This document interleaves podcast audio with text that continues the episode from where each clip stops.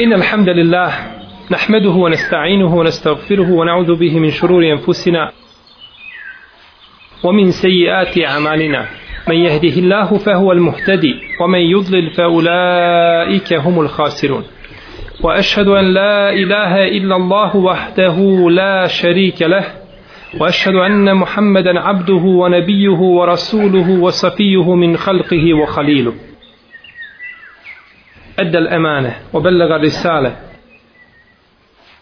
ونصح الأمة وكشف الله تعالى به الغمة وجاهد في الله حق جهاده حتى أتاه اليقين. يا أيها الذين آمنوا اتقوا الله حق تقاته ولا تموتن إلا وأنتم مسلمون. يا أيها الناس اتقوا ربكم الذي خلقكم من نفس واحدة وخلق منها زوجها. وبث منهما رجالا كثيرا ونساء. واتقوا الله الذي تساءلون به والأرحام. إن الله كان عليكم رقيبا.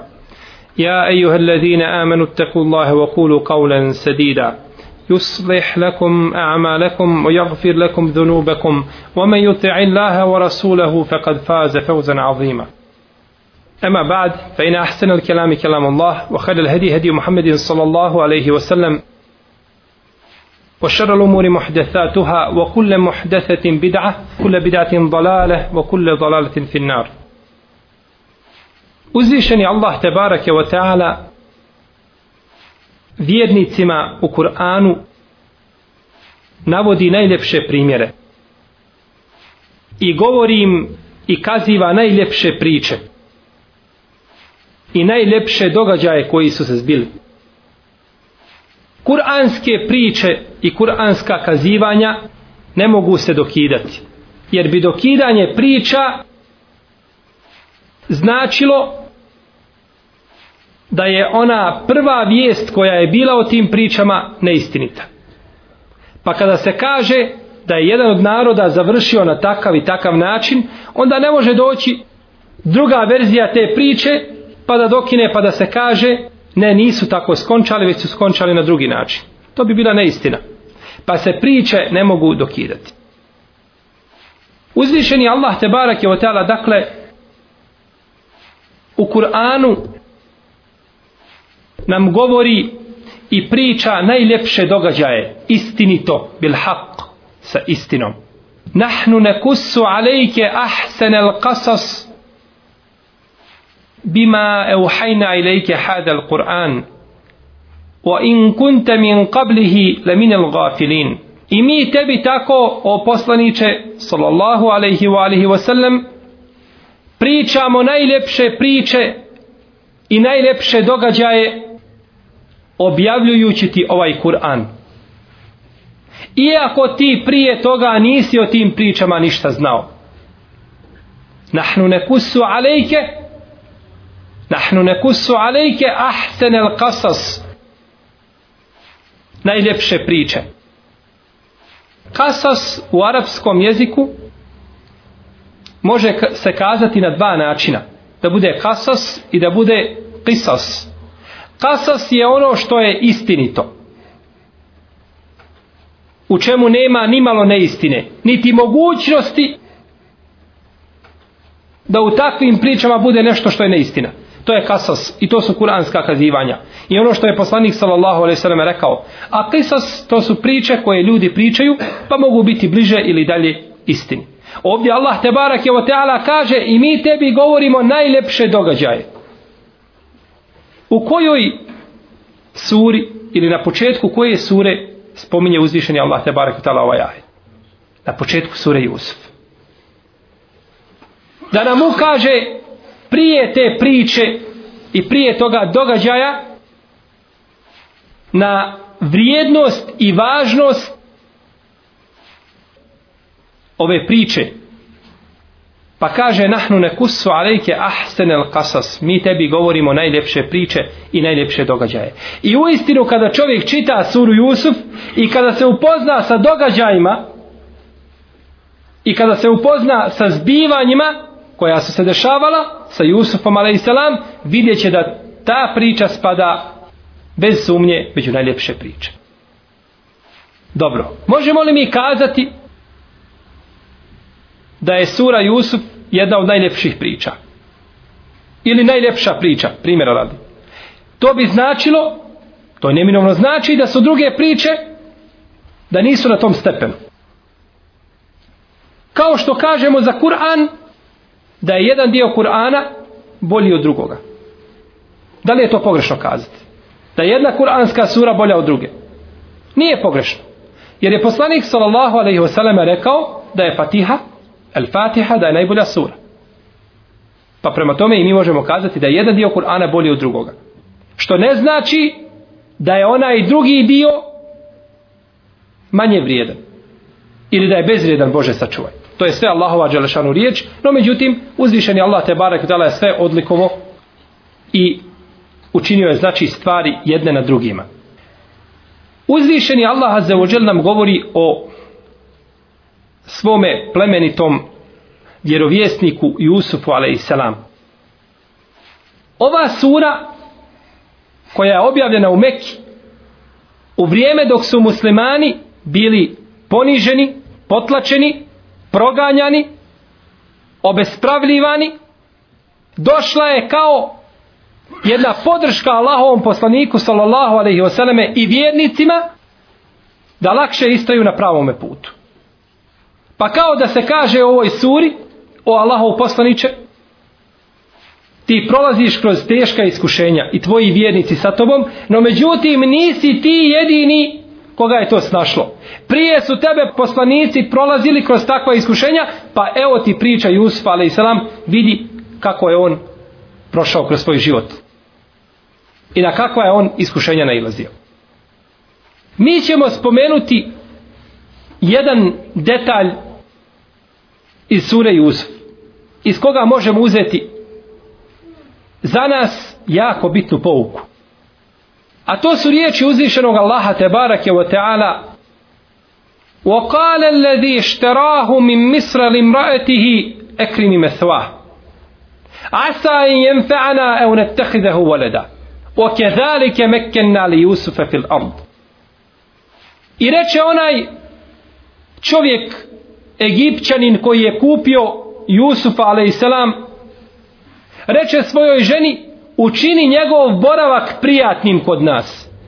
Učini da se on lijepo osjeća kod nas. Možda će nam koristiti a možda ga i posinimo.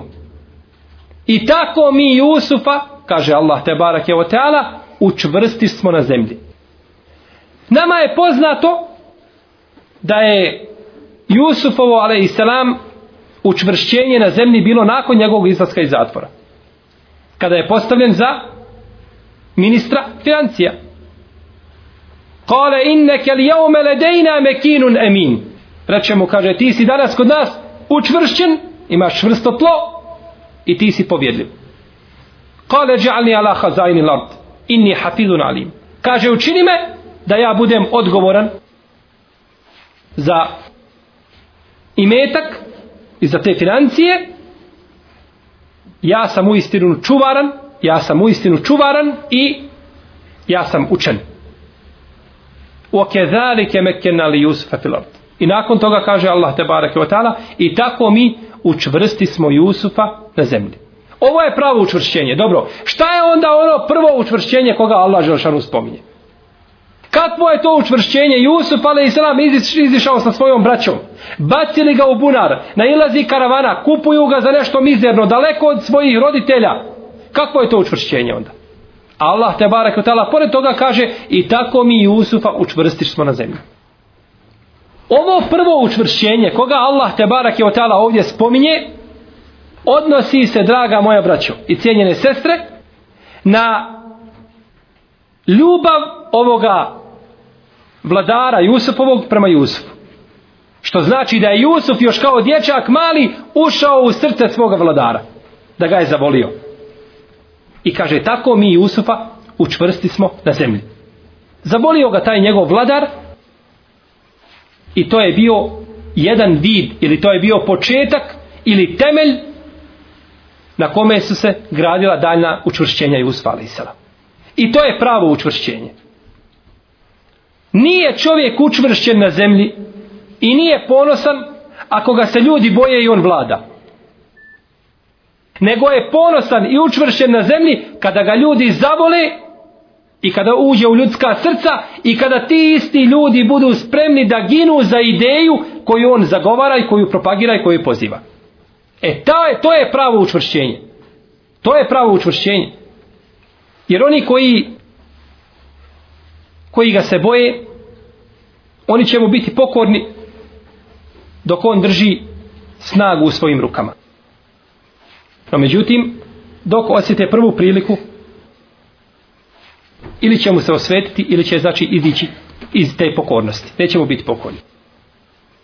I zato je pravo učvršćenje da ljudi zavole muslimane i da zavole one koji govore o islamu i da im se onda odazivaju.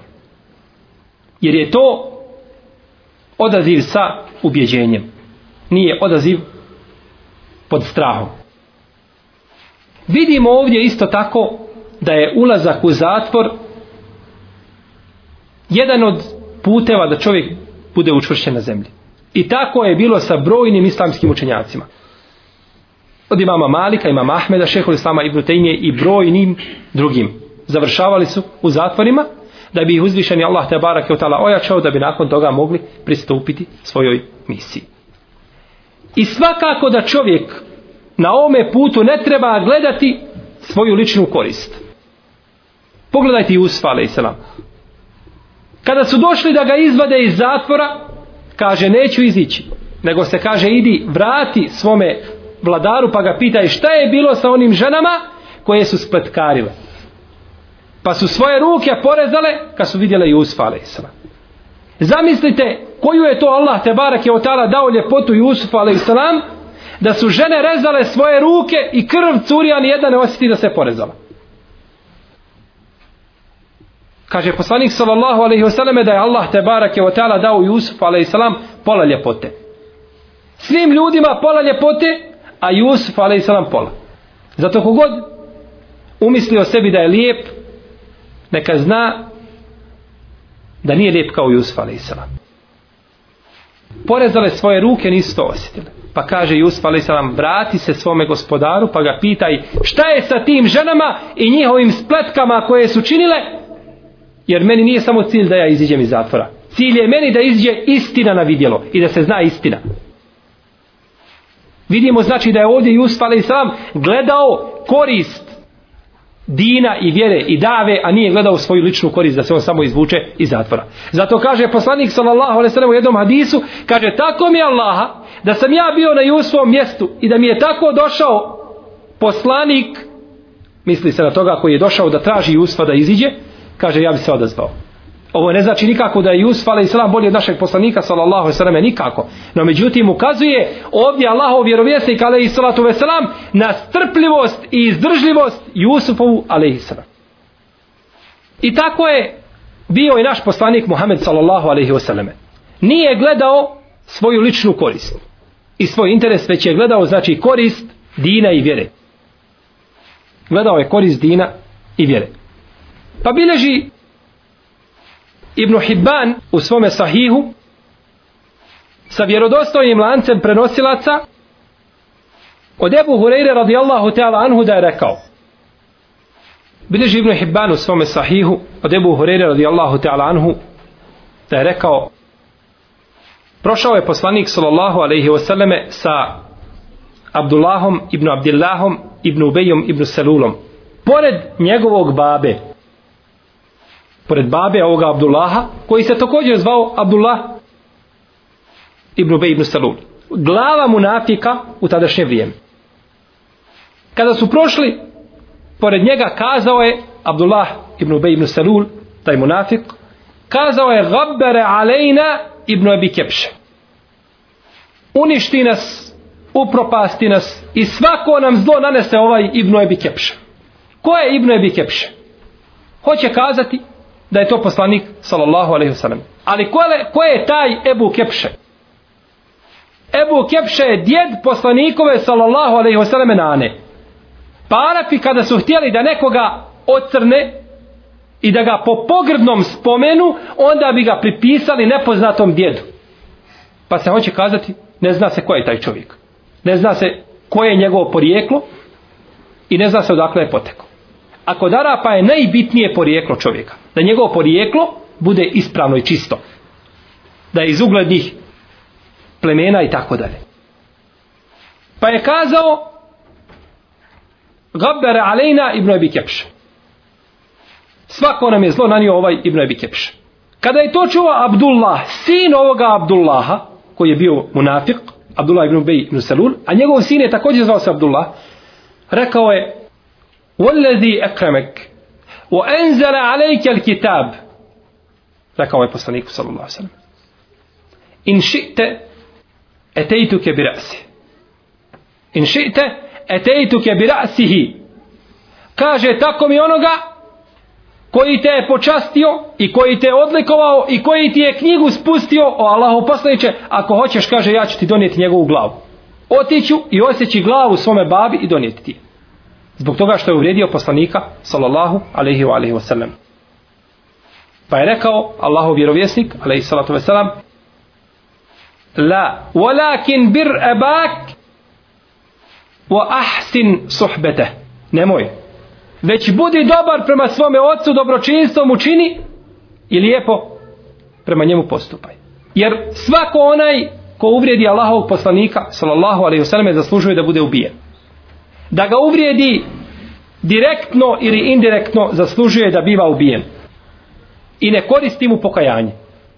Taman se pokajao na Dunjaluku nakon što je uvrijedio Allahovog poslanika, sallallahu alaihi vseleme mora biti ubijen ako se iskreno pokajao, to će mu pokajanje koristiti kod Allaha te barake utala na sudnjem danu. No međutim, ovdje na Dunjaluku mora biti ubijen. Pa kada se napiše u jednoj islamskoj zemlji veliki naslov u novinama, Muhammed veliki ljubavnik. Tu treba da bude ubijen od direktora te štamparske kuće do onoga radnika koji radi. Svi trebaju ići na vješala. Zato što su svi odgovorni i svi su učestovali u napadu na Allahog poslanika sallallahu alaihi wasallam. Muhammed veliki ljubavnik. Šta znači ljubavnik? Nemoralnik. Volio žene, volio nemoral i širio nemoral. To znači to. To se time hoće reći. Neće se time poslanik sallallahu sallam spomenuti po dobru. Pa trebaju da svi završe na vješalima i složni su učenjaci ehlu sunnata wal džemata da onaj ko uvrijedi poslanika sallallahu alaihi wasallame mora se ubiti ako se pokaje iskreno imaće kod Allaha Đelešanu, inša Allah primljenu teobu no međutim na Dunjaluku moramo biti ta kazna. Da bude pouka svima onima koji budu pomišali ili zamišljali da mogu dirati u hurmet Allahovog poslanika Muhammeda sallallahu alaihi wa alaihi wasallam pa bileži imam en Nesai u svome sunenu i Al-Bejheqi da je jedan od ashaba ubio svoju ženu pa su je našli bačenu na raskrsnici nisu znali ko je ubio. Pa je poslanik sallallahu alaihi wasallam okupio ashabe i kazao im Allahom preklinjem čovjeka kod koga ja imam svoje pravo neka kaže ko je ubio ovu ženu. Neka se javi onaj ko je ubio ovu ženu. Pa je ustao jedan slijepac i prišao poslaniku sallallahu alejhi ve selleme kako se kaže u toj predaji faqama al-a'ma min bayni sufufi yatadaldalu. Pa je ustao taj slijepac uznemireno u strahu provlačeći se između safova i došao je pred poslanika sallallahu alejhi ve selleme i kazao ja sam je ubio o Allahov poslanice wa hiya zawjati ana qataltuha wa hiya zawjati wa li minha waladani ka lu'lu'atayn ja sam je ubio Allahov poslanice a ona je moja žena a imam od nje dva sina kao dva bisera. Ali te ona vrijeđala Allahov poslanice Govorila je o tebi pogrdno, pa sam ja govorio da to ne čini, no međutim kaže ona se nije htjela proći. Pa te je sinoć kaže spomenula po zlu, pa sam kaže uzeo nož i ubio je. Pa ko ćeš je ubiti? čovječe, imaš dvoje djece, dva sina, ko će te služiti? Ti si slijep čovjek. Hoće li te druga htjeti? Kako ćeš je ubiti?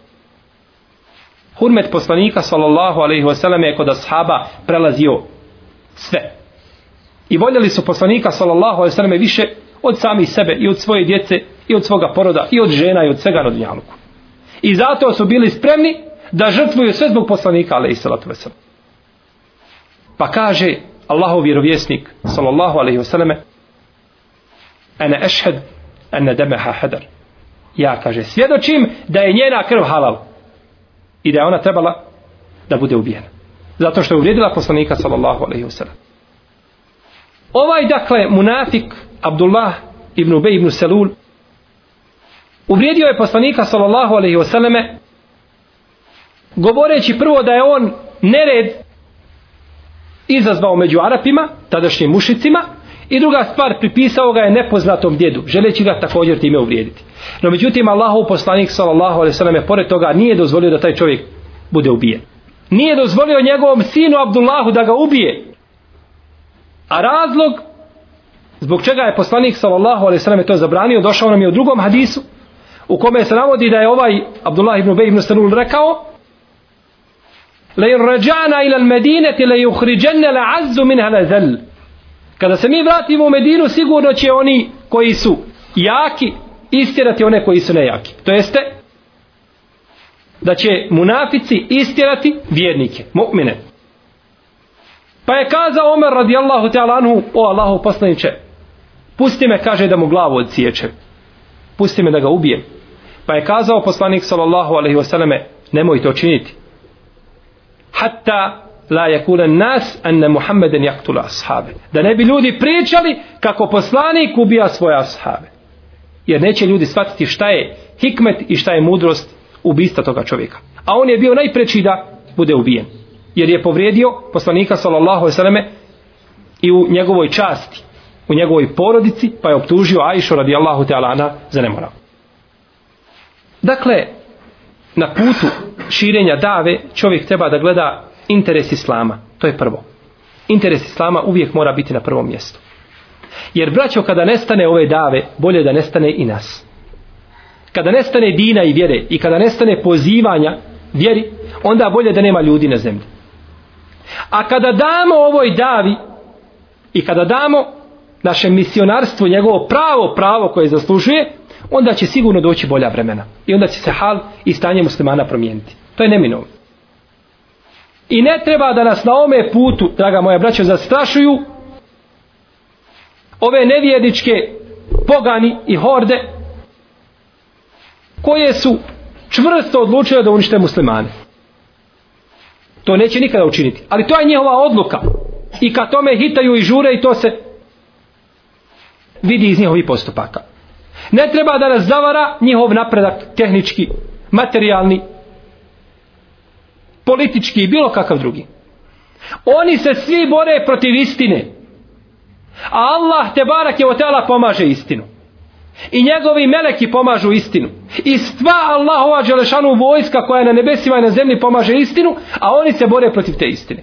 Pa se ne mogu boriti. Ko je taj ko se mora, mora boriti protiv Allaha te barak i protiv njegovih vojski? Oni se bore. Jem kurune u jem kurullah.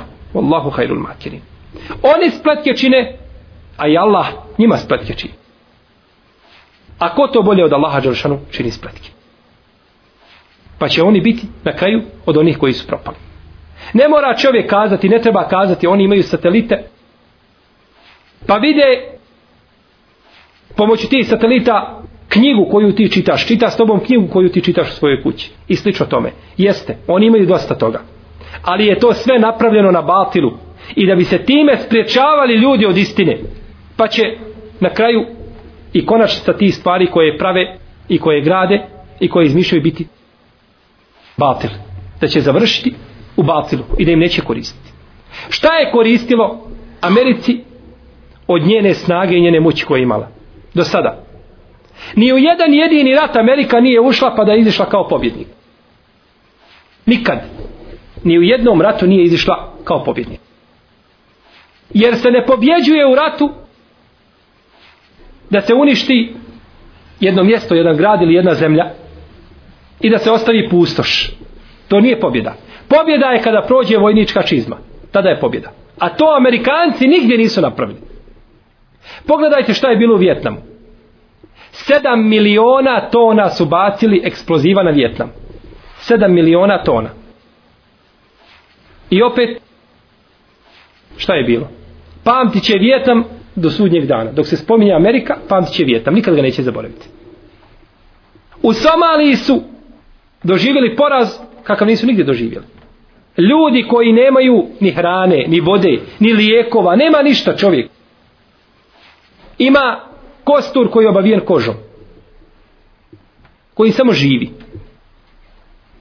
Koji su se borili na osnovu one plemenske pristrasnosti.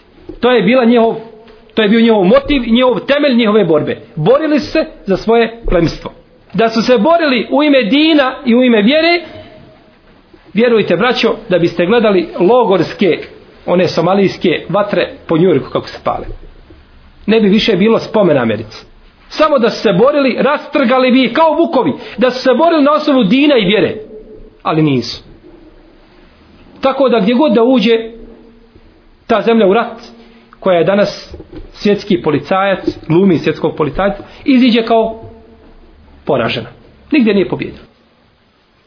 Zato što se bore protiv istine. Allah te barak je otala ne podržava zemlju koja se bori protiv istine.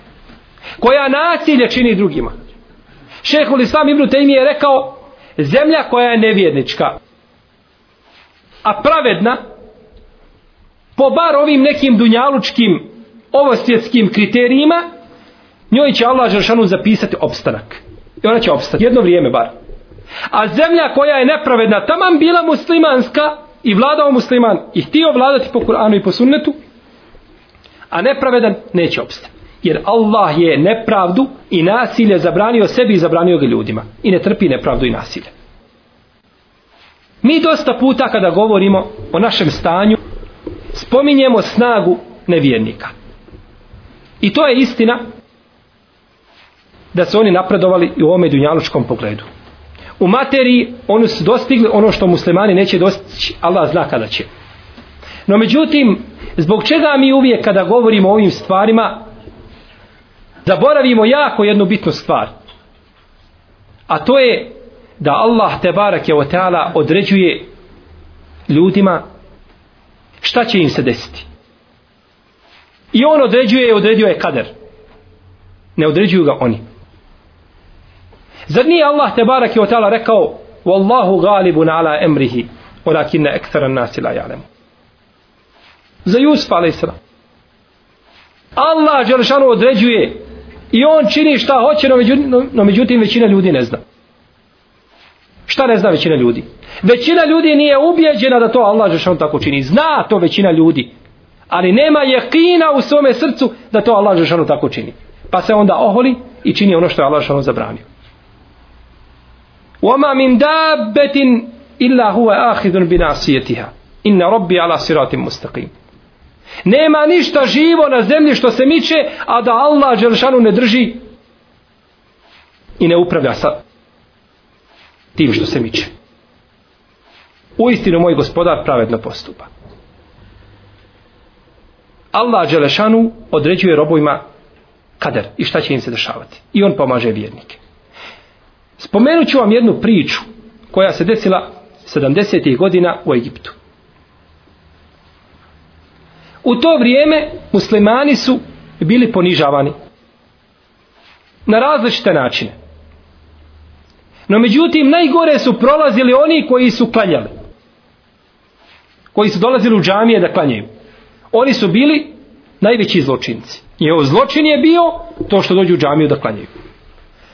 Pa je jedno jutro jedan od muslimana, vjernika, koji je pazio na Allahove Đelešanu granice, otišao da klanja sabah namaz u džamiju. Pa je iz, tog, iz te džamije završio u zatvor. Njegova žena kod kuće je ostala sa djecom i bila još trudna. Dan, dva, tri, sedmica, dvije, ne zna ništa o svome mužu. Kada je nakon, na kraju mjeseca, kada je otišla da podigne svoj lišni dohodak iz škole gdje je radila, kazali su joj, ne možeš dobiti plate. Kaže što? Kažu zato što je tvoj muž priveden. Zato što je u zatvoru ne može dobiti plate. Tu je saznala da je njen muž u zatvoru. Prije toga nije znala gdje. Pored toga poniženja da obustave lični dohodak ženi, a kakve ona veze ima sa mužem? Ako je on već zgriješio što je došao u džamiju da klanja i počinio veliki prestup, onda kaznite njega. Zbog čega dirate u ženu i djecu? Ne. Ni ona nema pravo na svoj lični dohodak. Ako bi slučajno otišla u neku kuću da se vidi da je otišla tražiti pomoć ili bilo šta drugo, da razgovara neko sa njom, taj bi isti završio u zatvor. Šta znači to? Zatvorim ti muško staratelja, ne dobijaš lični dohodak koja, koga si pravedno zaradio ili zaradila, ne može niko s tobom razgovarati, niti ti imaš pravo da sa nekim razgovaraš. To znači sjedni i čekaj Allahu eđel da umreš. Ništa drugo. Pa je žena počela da ide od kuće do kuće da čisti bogatašima, ne bi li kako prehranila tu djecu. Njen muž kada je otišao na sabah namaz u svoje kući nije ostavio nego nešto sitno od imetka, pa je dala to svome sinu i kazala idi nam kupi nešto od hrane. Pa je otišao i u putu izgubi te pare. Pa je došao pred taj dućan ili tu trgovinu, taj restoran gdje je trebao da kupi hranu i sjeo i plako. Pa ga je upitao vlasnik zbog čega plaćeš, kaže, sa mojim se bavom desilo tako i tako, a ja sam, kaže, izgubio pare koje mi je mama dala da kupim hranu. Pa je kazao taj vlasnik toga restorana, te trgovine, kaže, svaki dan dođi, imaš ti i tvoja majka i tvoja porodica imate besplatno ručak kod mene, a tvoj babo kada iziđe iz zatvora, naš ćemo dvojica imati račun. Tvoj će babo sve snijeti te dugove.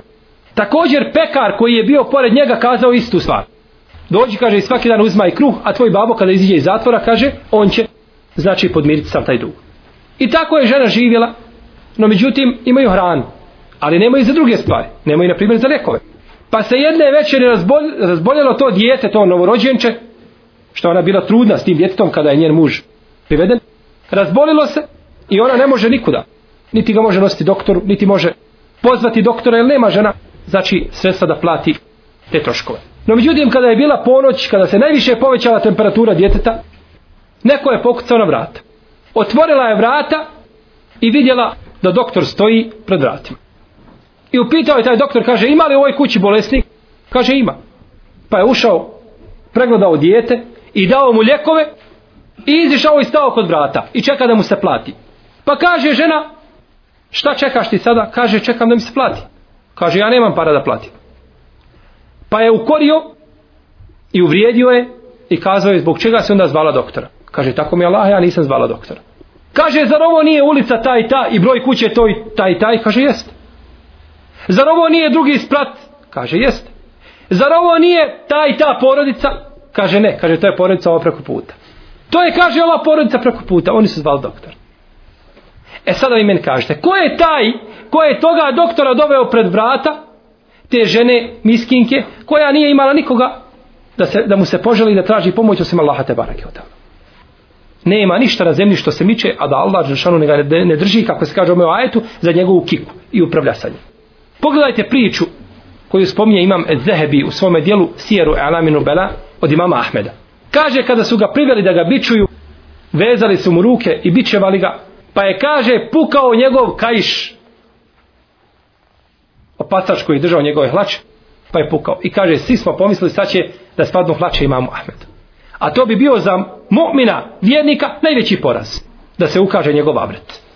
Može trpiti bičevanje i niko nije kazao da je to poraz i da je to bila sramota za imama Ahmeda što je bičevan. Ne, nije, to je čast. Nama svima da spomenemo da su imali učenjake koji su tako nešto trpili. No međutim, bio bi pravi poraz i nesreća da se pokaže njegov stidno mjesto. A najviše su čuvali svoje stidna mjesta. Pa kažu, i svi smo, kaže, pomislili da mora se ukazati to stidno mjesto. No međutim, kažu prisutni tako nam Allaha, ni njegove, njegove znači taj izar, njegove te pantalone koje imao, kaže, niste ni pomjerili nikuda. Neće uzvišeni Allah te barak i utala osramoti mu'mina vjernika, ako je mu'min haqqan.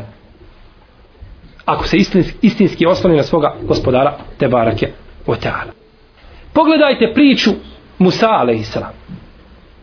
Allah uzvišeni azzawajal kada je htio da uništi faraona poslao mu je dijete u kolijevci da ga uništi da pokaže najvećem zločincu svih vremena koji je zgovorio za sebe fe hašara fenada fe kale ene rabbukum ula skupio ljude, sazvao sve što ima od ljudi, kazao vi nemate drugog Boga mimo mene وأوحينا إلى أم موسى أن ارضعي فإذا خفت عليه فألقيه في اليم ولا تخافي ولا تحزني إن رادوه إليك وجاعلوه من المرسلين U ome ajetu uzvišeni Allah tebarake o ta'ala govori nam čudne stvari.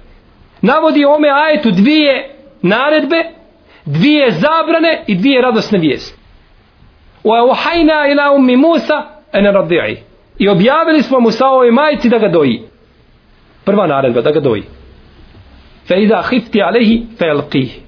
A kada se pobojiš za njega, baci ga. Baci ga druga naredba. Dvije naredbe. Dvije zabrane wala te hafi wala tahzeni i nemoj se bojati i nemoj žalostna biti nemoj se bojati jedna zabrana. I nemoj žalostna biti druga zabrana. Inna radduhu ilayki wa ja'iluhu min al-mursalin mi ćemo njega tebi sigurno vratiti. Jedna radosna vijest. Doći on tebi nazad nemoj se bojati. I još radosnija i najradosnija vijest wa ja'iluhu min al-mursalin i učinit ćemo ga da bude poslanik.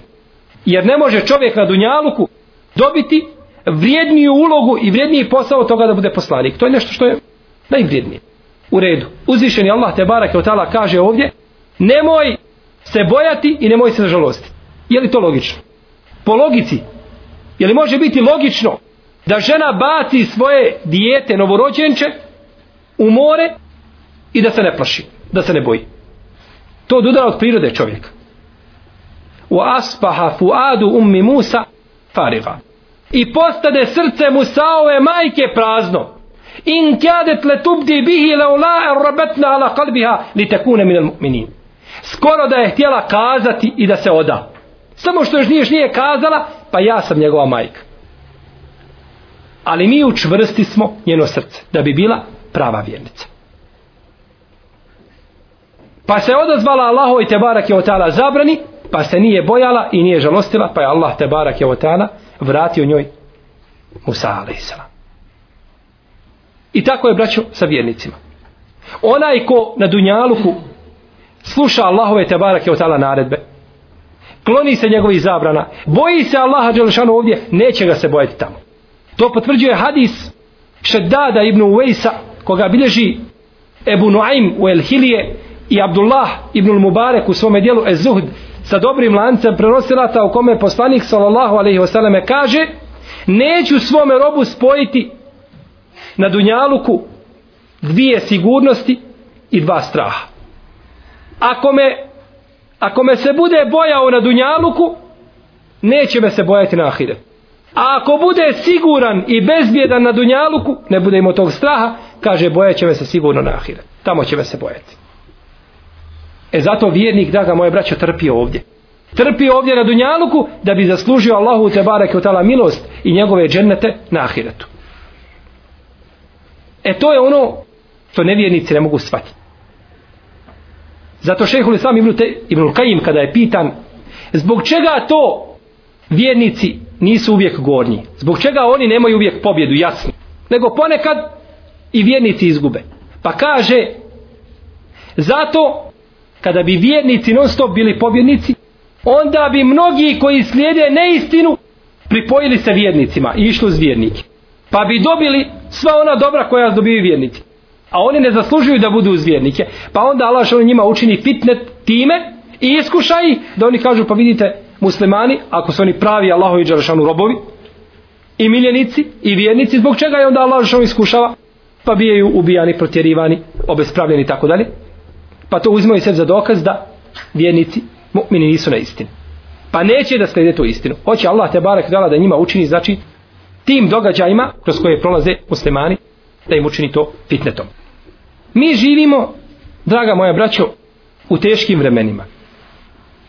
I nema razilaženja danas među dvojicom muslimana koji imaju i trun imana u svome srcu da se najveća nepravda čini muslimanima i da muslimani prolaze danas kroz teška iskušenja.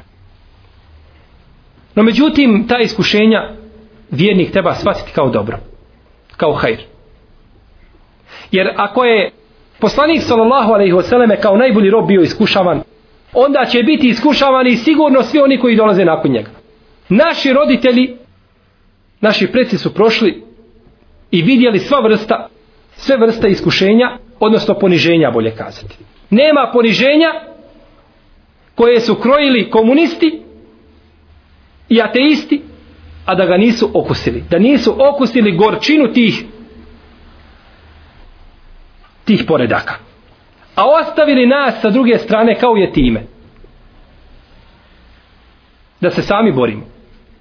Pa Allah te barak je otela iz svoje milosti prema nama daje nam od iskušenja ono što možemo podnijeti. Jer zna, a za ođel da nam da iskušenja koja ne možemo podnijeti da bi se slomili i da bi stali. Da bi ostavili svoju vjeru. Pa nam daje od iskušenja onoliko koliko možemo podnijeti. I hoće kroz ta iskušenja da nas ojače. Jer čovjek koji vidi iskušenja i koji dozi, doživi iskušenja, on izlazi iz tih iskušenja jači i čvršći. Jer vidjeti i čuti nije isto. Kaže poslanik sallallahu alejhi ve selleme u hadisu koga bilježi Hakim ima Mahmed sa ispravnim lancem prenosilaca, lejsel haberu kel muajene. Nije isto čuti i vidjeti. Inna Allahe azza wa jel ahbere Musa bima sana kaumuhu fil iđl. Felem jelqil alwah. Felemma ajene ma sanau elkal alwaha fan kesara. Allah Želešanu je obavijestio Musa a.s. o onome što je učinio njegov narod kako su počeli obožavati tele. Pa nije Musa a.s. bacio ploče. Ali kada je vidio kako obožavaju tele, tada je bacio ploče pa su se polomile. Musa a.s. čuo i dobio haber i vijest šta čini njegov narod, pa se nije razljutio. Ali kada je to vidio svojim očima, kako tele obožavaju, onda je bacio ploče pa su se polomile. Vidjeti i čuti nije isto. Zato mi kažemo ešhed. Ešhedu en la ilaha illallah. Ešhed. Ešhed u arapskom znači vidim. Alimul gajbi vo šehade. Alim onaj koji zna. El gajb nevidljivo. A šehade je javno. Viđeno. Pa mi kažemo ešhed. Svjedočim da nema drugog Boga kao da kažem kao ja vidim Allaha Želešanu. Svjedočim da nema drugog Boga Allaha jer ga ja vidim. Zato kažemo ešhed. Jer vidjeti i čuti nije isto. Mi sebi često, draga moja braćo i cijenjene sestre, postavljamo pitanje kako da iziđemo iz ove teške situacije u kojoj se nalazimo. Ili bolje kazati šta da mi učinimo da se ova situacija popravi. Jer sigurno jedna mala skupina ljudi ne može riješiti problem umeta. Ali može biti jedna skupina koja će raditi na poboljšanju stanja tog umeta. Kažemo, moraju se vratiti muslimani menheđu i putu Allahovih poslanika. Od, svoga ter, od svoje terbije, svoga odgoja, svoga imana i svoga vjerovanja i od svoga rada za din i za vjeru. Ulaganja, požrtvovanja na Allahovom dželešanu putu. Da budu muslimani u ovim vremenima kao što su bili poslanici koji su slani svojim narodima. Pa je svaki poslanik dobio od kuveta i snage ono što mu je trebalo da poziva svoj narod. Kaže Allah Đelšanu za Jusufa a.s. وَلَمَّا بَلَغَا يَشُدَّهُ آتَيْنَاهُ حُكْمًا وَعِلْمًا I kada je Jusuf a.s. dostigao svoju snagu, mi mu dado smo mudrost i znanje. Kada je Jusuf a.s. dostigao svoju snagu, mi mu dado smo mudrost i znanje. A kaže Allah te barak je otala za Musa a.s. وَلَمَّا بَلَغَا يَشُدَّهُ وَاسْتَوَا آتَيْنَاهُ حُكْمًا وَعِلْمًا kada je Musa a.s. dostigao svoju snagu i kada je stasao. Kada je sazrio, mi smo mu dali mudrost i znanje. Šta je razlika između ova dva ajeta? U prvom se kaže walamma balaga shuddahu atayna hukman wa ilma. A u drugom walamma balaga shuddahu wastawa ostela hukman wa ilma. Pa je dodana još jedna riječ kod Musa a.s. a to je kada je stasao, kada je sazrio. Zašto? Zato što je Musa a.s. posla najvećem nepravedniku koji je boravio na zemlji. Faraonu. Najvećem zločincu. Dok misija Jusfa a.s. Nije, nije bila te prirode. Pa je kod Musa a.s. trebalo sazrijevanje, jedna dozrilost koju je dao Musa a.s. Bojao se inni je hafo i jaktulun ja se bojim da me ne ubiju fa harađe minha haife i jetarakab izlazi sav preplašen u strahu iz tog grada njihovog strah od faraona i od njegovih vojske da ne bude ubijen pa je Allah te barek tela zbog toga dao Musa'u a.s. ono što nije dao što nije dao Jusuf a.s. dakle draga moja braćo vratiti se menheđu Allahovih poslanika. I ugledati se na Allahove poslanike. Kako su oni to širili vjeru? Kakav su oni to sabr imali pri širenju vjere? Jer sabr ima svoje stepene. Nije sabr da se čovjek samo strpi u nevolji. Sabr može biti da se čovjek strpi u nevolji može biti da se čovjek strpi u ibadetu i može da se strpi čovjek od griješenja to jeste sabr. Pa da čovjek ima sve te vrste sabra jer su najpotpunijeg sabra bili poslanici Allahovi te barake o ta'ala. Pogledajmo hadis koga je zabilježio ima muslim u svome sahihu Ibn Hibban i drugi od Hanzale i od Ebu Bekra radijallahu ta'ala anhuma da su došli kod poslanika sallallahu alaihi wasallam i rekli o Allahu poslaniče mi kada se nalazimo sa tobom i kada boravimo u tvome društvu naš se iman poveća i osjetimo jedan rahatluk u našim grudima. No međutim kada se vratimo svojim kućama i svojim ženama onda žene traže svoj udio djeca traže svoj udio. Čak da je ovaj Hanzale kazao na peka Hanzale kaže ha, ovaj Hanzale kaže munafik ja nisam više musliman, ja sam munafik kod poslanika sallallahu alaihi sellem sam ovakav a kada se vratim svoje porodici kaže ja sam drugi čovjek.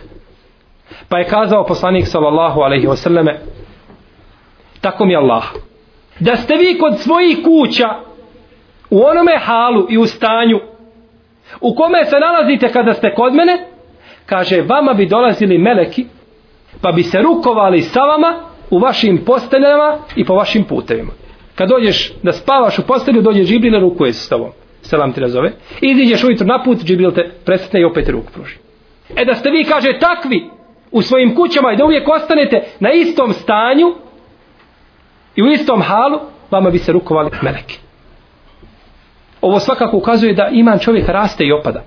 Iman čovjeka raste i opada i to je akajde dehlu sunata vol džemat pa zato čovjek mora nastaviti draga moja braćo i cijenjene sestre da ojačava svoj iman da povećava svoj iman novim saznanjima u vjeri i da primjenjuje te stvari koje je saznao.